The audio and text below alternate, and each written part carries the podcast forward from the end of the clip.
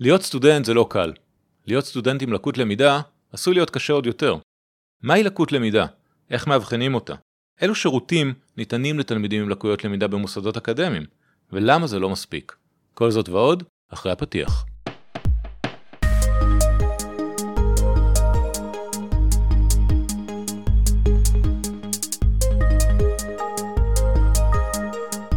שלום וברוכים הבאים למחקר בשלוש קריאות, ההסכת של מרכז המחקר והמידע של הכנסת. אני עידו אבגר ואיתנו היום דוקטור עסקה מוניקנדם גבעון, חוקרת אצלנו במרכז והיא תדבר איתנו על תמיכה בתלמידים עם לקויות למידה במוסדות אקדמיים. שלום עסקה. שלום עידו.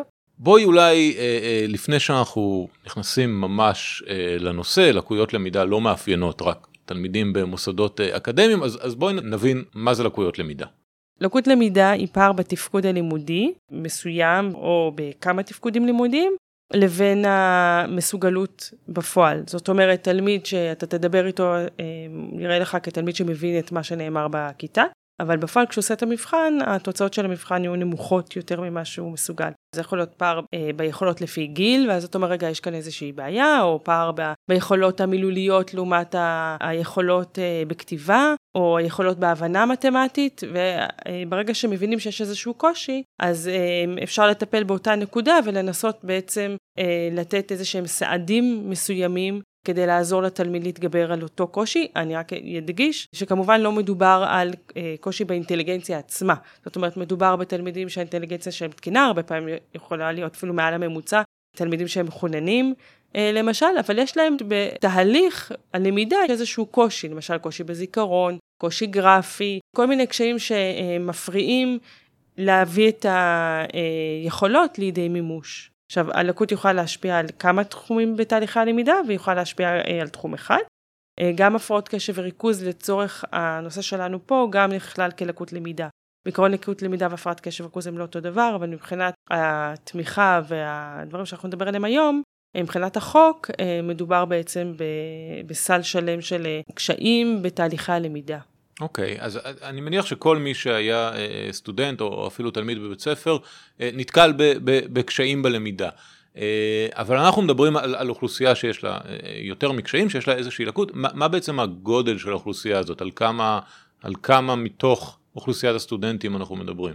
השאלה של מה הגודל של האוכלוסייה היא שאלה מאוד מאוד מורכבת, כי השאלה היא איך מגדירים את האוכלוסייה וגם איך בוחנים מי האוכלוסייה. הסטטיסטיקה מדברת על בין חמישה לחמישה עשר אחוזים, אמ, כשזה מאוד, אה, זה כמובן מנעד מאוד רחב. זה תלוי איך בוחנים את זה, מי מוגדר בפנים, אמ, מה האבחונים שעושים לאותם תלמידים, וההגדרות הן משתנות בין הגופים שמגדירים אותם בצורה שונה לבין המאבחנים שמאבחנים אה, כנראה בצורות שונות. זאת אומרת, כל מאבחן שם דגש על דברים אחרים, ולכן יכול להיות שתלמיד אחד יאובחן במקום אחד עם לקות למידה ובמקום אחר יאובחן אה, ללא לקות למידה, אולי עם קשיי למידה, ולכן ההגדרות הן מאוד שונות. גם השאלה היא לצורך מה מגדירים. האם מגדירים לצורך, אה, למשל, זכאות להתאמה בבגרויות, או האם מגדירים לצורך קבלת שירותים? גם הדברים האלה משפיעים על ההגדרות, ולכן המנעד הוא יחסית רחב. אוקיי, okay, אבל אה, בכל מקרה, אה, בין אם אנחנו מדברים על חמישה אחוזים, ובין אם אנחנו מדברים על חמישה עשר אחוזים, אנחנו מדברים על... עשרות, מאות אלפי סטודנטים. נכון, כשאני רק חייבת לומר שבחלק ממוסדות האקדמיים, למשל במכללות, השיעור התלמידים שמקבלים שירותים והתאמות בתוך המוסד האקדמי יכולה גם להגיע ל-25 אחוזים. זאת אומרת, מה שאמרתי קודם, על בין 5% ל-15% מדובר על מה שמקובל להגיד בעולם, על התלמידים שיש להם לקויות למידה והפרעות קשב וריכוז. השירותים וההתאמות שניתנים בפועל, אה, יש מקומות שבהם ניתנים בשיעורים גבוהים יותר. הבנתי, זה, זה אני מכיר גם מבתי הספר, גם שם בעצם מספר מקבלי ההתאמות אם אני זוכר נכון, הוא עולה על, על מחצית הנבחנים בבחינות הבגרות או משהו. נכון, למרות שהיום יש ניסיון אה, להוריד את זה, יש תוכנית חדשה שנקראת מלקויות ללמידה, אבל זה לא המסמך שלנו עכשיו, זה אולי יהיה הפודקאסט הבא, אה, ושם באמת נעשה ניסיון מאוד אה, משמעותי לשנות את זה. אבל מבחינת המוסדות האקדמיים, אלה, אלה פחות או יותר השיעורים, כשבאוניברסיטאות זה פחות, ובמכללות זה יותר. אז, אז דיברנו פחות או יותר על, על, על מספרי, היקף התלמידים שצריכים, שצריכים תמיכה. אולי את יכולה קצת להסביר לנו איזה תמיכה הם צריכים, מה בעצם יכול לעזור להם אה, אה, להביא לידי ביטוי את היכולות האמיתיות שלהם. בגדול אפשר לחלק את זה לשניים, אחד זה התאמות בדרכי למידה או בהוראה, והשני זה התאמות בדרכי היבחנות. כשמדברים על דרכי הוראה, אז אה, מדובר למשל תלמידים שצריכים לקבל את המצגת של המרצה קודם, כדי שהם יוכלו לעבור עליה ולהתכונן לשיעור. אה, או למשל שיעורים שבו אה, מפרקים את החומר לפרקים ולנושאים בתחילת השיעור שלתלמיד יהיה יותר קל אה, להתרכז. אה, למשל, אה, סדנאות באסטרטגיות למידה. אה, כל, כל דבר בעצם שיכול לעזור לתלמיד להתגבר אמ, על, ה, על הפער שיש לו. למידה בקבוצות קטנות, שיעורי תגבור. כן, כן, כל, כל הדברים שאנחנו מכירים גם, גם מבית ספר, למידה פרטנית, חזרה, כל דבר שיכול לעזור לתלמיד. הרבה פעמים, וזה לא, לא קשור להתאמות בדרכי הוראה, אבל הרבה פעמים תלמידים אה, שיש להם קשיים כאלה, הם גם חווים אה, קשיים גם בתחומים אחרים, בין אם זה קשור ללקות עצמה, ובין אם זה אה, משני ללקות, למשל כמו בעיות חברתיות, אז גם זאת עוד איזושהי תמיכה שהם צריכים לקבל. אה, והתאמות בדרכי היבחנות, שהרבה פעמים הזרקור אה, ממוקד לשם, אבל זה לא בהכרח הדבר שתלמידים אה, יצביעו דווקא עליו כמוקד המרכזי של מה יעזור להם לצלוח את הלימודים במוסד האקדמי. אז תיארת לנו בצורה מאוד ברורה מה, מה התלמידים האלה צריכים. מהצד של המוסדות, חלה עליהם איזושהי חובה לתת את ההתאמות האלה? כן, עם כוכבית. זאת אומרת, לפי חוק זכויות תלמידים עם לקות למידה במוסדות על-תיכוניים שנחקק ב-2008 ואחר כך תוקן ב-2014, המוסדות אקדמיים מחויבים להקים מרכזי תמיכה, בעצם לתת שירותים, שבמסגרת השירותים הם מקימים מרכז תמיכה שאמור לתת תמיכה לתלמידים, גם מבחינת התמיכה הלימודית וגם מבחינת ההתאמות. מה שקורה זה שהחוק הזה אומנם חוקק אה, לפני הרבה מאוד שנים, אבל הוא לא, אה, אין לו תקנות. אוקיי, okay, שזה לא מצב מיוחד לחוק הזה. אין, אבל... לא מצב מיוחד לחוק הזה, אבל בפועל מה שאומר זה שהתקצוב שלו לא מעוגן בחקיקה, זאת אומרת המל"ג כן מתקצבת אותו, אבל היא מתקצבת אותו בסכום שמתאים בעיקר אה, לפי הדיווח של המרכזים, בעיקר על הפיתוח של המרכזים, וגם כל שנה עולים מספר התלמידים שאמורים להיות זכאים לשירותים, ולכן בפועל התקצוב אה, הולך ופוחת אה, פר תלמיד. מה גם שבהיעדר תקצוב מסודר, היכולת לתת שירותים היא מוגבלת. היום לפי הדיווח של המרכזים, הם בעצם משלמים הרבה מאוד מהתקציב שלהם, זאת אומרת, המוסד האקדמי מתקצב את ה... המוסדות עצמם מממנים. בדיוק, הם, הם אלה שמממנים. עכשיו, מה שקורה, בגלל שאין תקנות, אז אה, יש הרבה מאוד קשיים ביישום של, ה... של החוק הזה. אה, דוגמה אחת, אה, לא ברור מהו אבחון מוכר. יש תקנה ש... שאמור להיות מוגדר בה מהו אבחון מוכר. כל הדבר הזה לא קורה, כל uh, מוסד אקדמי יכול להחליט uh, בעצם את אומרת, אין הגדרה אחידה של, של uh, מהו אבחון ומי הוא מאבחן, אנחנו לא...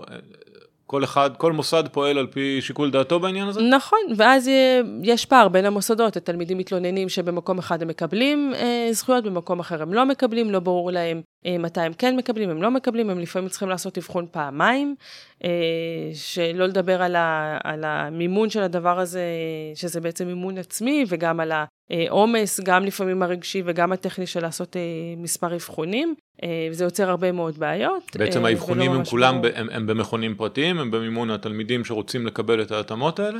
אז שוב, זה תלוי, מרבית המוסדות האקדמיים, אה, לפחות באוניברסיטאות, הם מקבלים רק את האבחונים שמתבצעים על ידי המערכת הממוחשבת של המרכז הארצי לבחינות והערכה. שזה בעצם הגוף שזה... שעושה גם את הפסיכומטרי, נכון? בדיוק, בדיוק. יש גם טענה שאומרת שבעצם אה, המערכת הזאת היא לא הוגנת בזה שזו מערכת אחת שרק אותה מקבלים. אה, והיא בעצם מונופול והיא לא מאפשרת אבחונים אחרים. אה, מצד שני, האוניברסיטאות אומרות, אנחנו רוצים איזושהי מערכת שמתוקפת, אה, ואם כל אחד מגיע עם אבחון פרטי, אין לנו שום דרך לתקף את זה ולתקף את המקצועיות, שלא לדבר על התוכן של האבחון עצמו. עכשיו, כל עוד לא מוגדר בתקנות מיהו המאבחן המוכר ומה צריך לכלול אבחון, אה, אי אפשר לדבר על אחידות, ולכן גם מבחינת הזכויות של התלמידים, אי אפשר לדבר על אחידות בזכויות.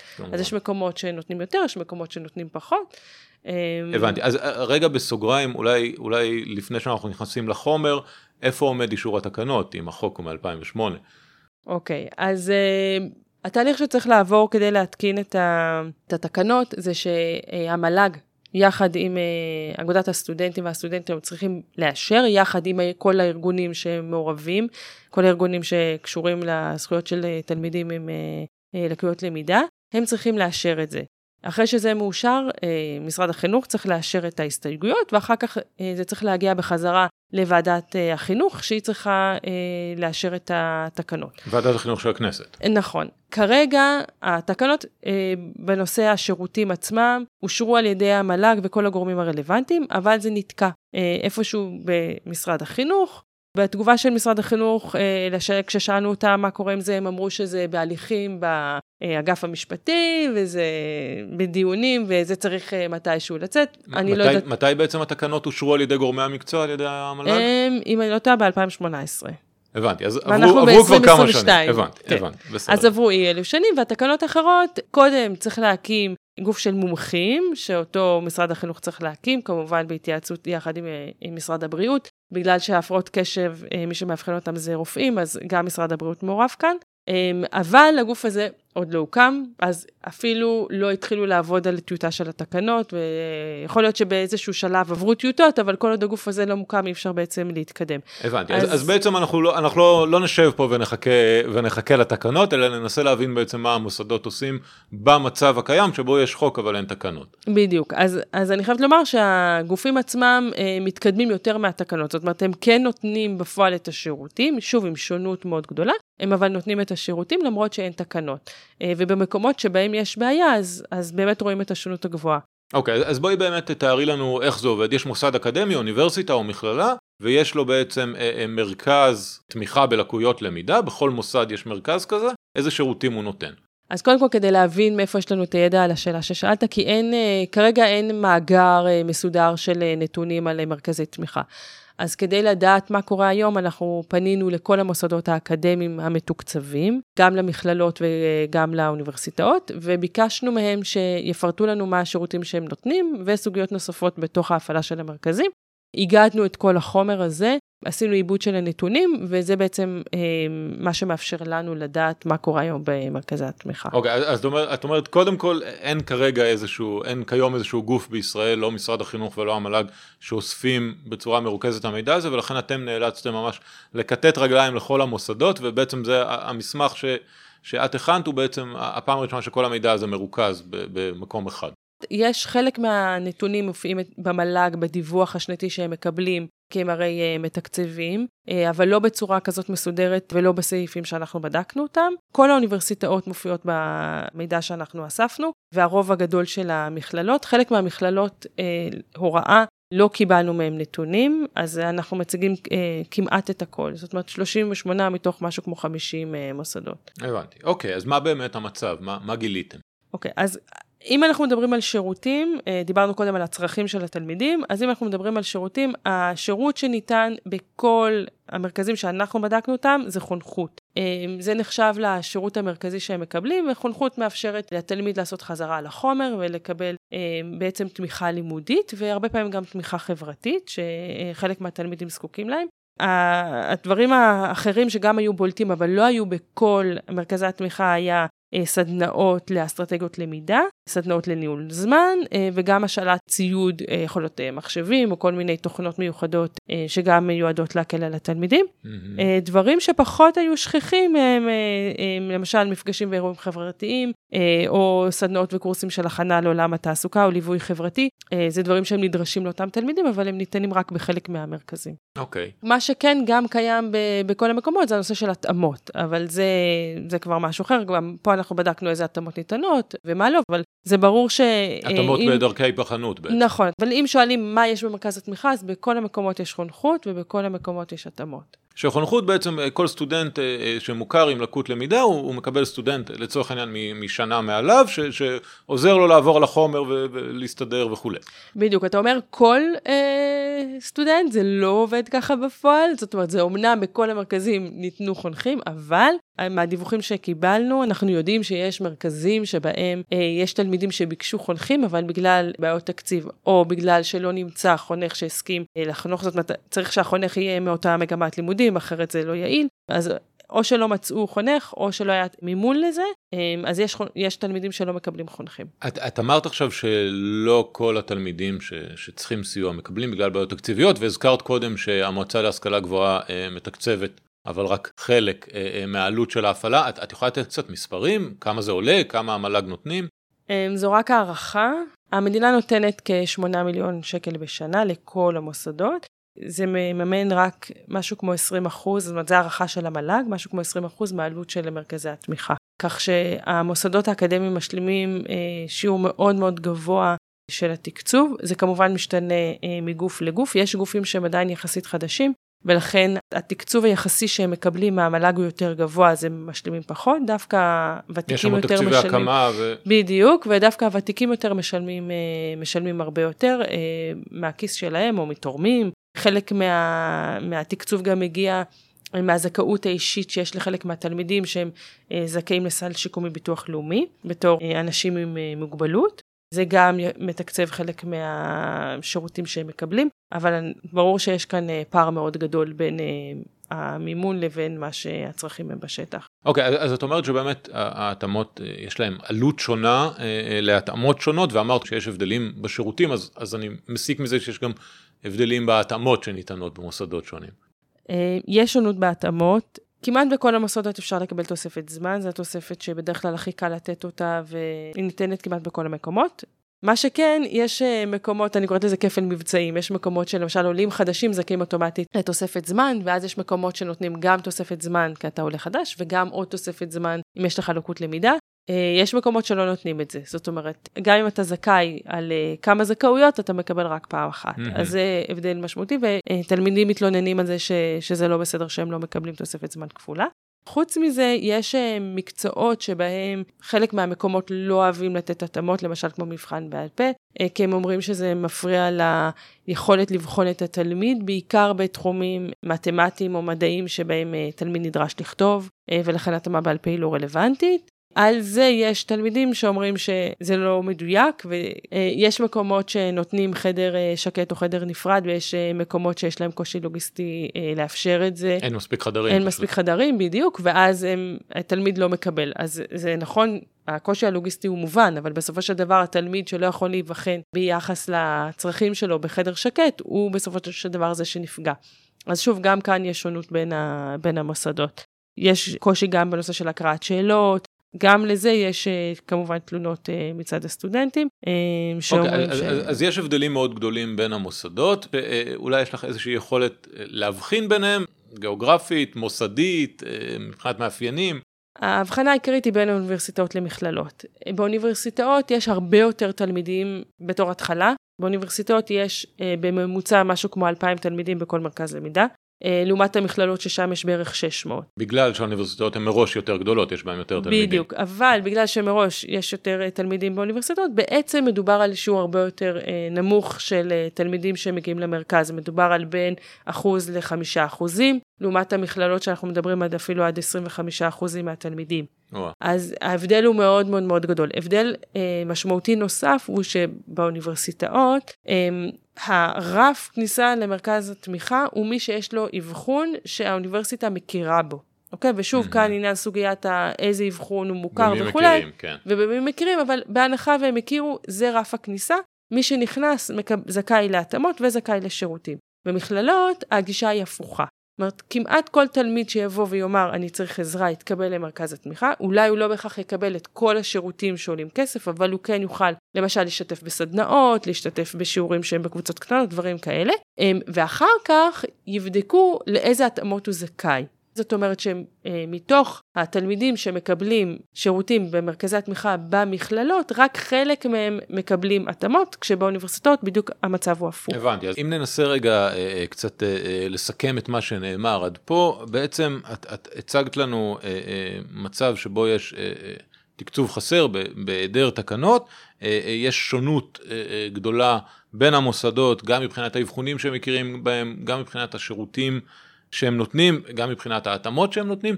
יש עוד משהו שנראה לך חשוב לשמוע? אה, יש מרכזים שבהם מכוונים את הפעילות שלהם גם כלפי המרצים okay. אה, אוקיי. במוסד האקדמי. זאת אומרת שהם פונים למרצים ומסבירים מהי המהות של הלקות למידה או של הפרעת הקשב, כדי שהם יוכלו אה, לסייע יותר טוב לאותם תלמידים, גם מבחינת התחשבות בדברים המיוחדים שהם צריכים, וגם מבחינת התאמות בדרכי למידה, למשל, אה, לאפשר לאותם תלמידים לקבל מצגות, או לחלופין להתחיל לעבוד עם מצגות למרצה שלא עובד עם מצגות, או לתת חומר אה, מראש כדי שתלמיד יוכל להתכונן, או כל דרך אחרת שבה אפשר לסייע לתלמידים. הבנתי, אז יש פה איזשהו ניסיון בעצם לרתום את, ה, את המרצים כדי שהם מראש אולי יהיו מתאימים יותר ל, ל, ל, גם לתלמידים עם לקויות למידה, ואז אולי יהיה צריך פחות התאמות בהמשך הדרך. בדיוק, היום מדובר על אה, הוראה אוניברסלית שהיא בעצם הוראה שאמורה להתאים לכולם. זאת אומרת, לא להוריד את הרמה, אבל כן ללמד בצורה כזאת שמתאימה לתלמידים עם מגוון אה, יכולות, ויש כמובן מרצים ששמחים מזה יותר, מרצים ששמחים מזה פחות, אבל בגדול הרעיון הוא, הוא לאפשר איזשהו סינגור על התלמידים, כדי uh, באמת לאפשר להם גם את הקשר הישיר מול, ה, מול המרצים, שהם כבר, כל תלמיד יוכל לגשת למרצה ולהגיד לו, אני צריך את ההתאמה הזאת או את ההתאמה אחרת, בלי להתחיל לעשות מזה עניין uh, גדול בכל המערכת. אוקיי, okay, אנחנו, uh, כמו את כל ההקלטות שלנו, גם את ההקלטה הזאת אנחנו uh, מבצעים בכנסת, אנחנו מרכז המחקר והמידע של הכנסת. איפה הכנסת נכנסת לתמונה קצת במבט צופה עתיד? אני מבין, החוק הוא כבר ותיק, התקנות מבוששות להגיע, איפה, איפה בעצם הכנסת נכנסת פה לסיפור ויכולה אולי אה, לקדם את הסיוע לתלמידים עם לקויות למידה? אז אה, לאחרונה אה, אה, היו בוועדות הכנסת כמה דיונים אה, בנושא הזה. בעקבות, ולא רק בעקבות הדיונים האלה, הוקמה לאחרונה אה, במאי שדולה אה, בהובלה של אה, חברת הכנסת ענבר בזק וחברת הכנסת שירלי פינטו. המטרה של השדולה היא לקדם את הזכויות של תלמידים אה, עם לקויות למידה והפרעות קשב, כמובן, השדולה אה, רלוונטית גם על כל מערכת החינוך, לא רק במוסדות להשכלה גבוהה. Mm-hmm. והמטרה שלהם באמת לקדם גם את הנושא של התקנת התקנות, וגם את הנושא של אבחון מוכר ומאבחן מוכר, גם במוסדות להשכלה גבוהה, אבל גם במערכת החינוך היסודי ובתיכון. הבנתי, ו- ובעצם את בתור החוקרת, את מנסה לתמוך במהלכים האלה מבחינת הנתונים ש- שכאמור היו חסרים עד עכשיו ולא לא הובאו על ה... אה, נכון, ואנחנו כרגע גם אה, כותבים מסמך חדש, די דומה למסמך הזה, לא על מרכזי תמיכה, אבל כן על התמיכה שקיימת אה, ועל הקשיים שקיימים היום במערכת החינוך אצל תלמידים ביסודי ובתיכון, שיש להם לקויות למידה והפרעות קשב וריכוז, ככה לבחון בגילאים האלה איפה הדברים עומדים. בסדר, אז אני, אני מבטיח שנזמין אותך אה, לפה לדבר כשהמסמך החדש יהיה מוכן ונשמח לשמוע אה, מה קורה אה, בקרב התלמידים הצעירים יותר. תודה רבה עסקה שהיית איתנו. תודה רבה. ותודה לכם המאזינים וניפגש בתוכנית הבאה.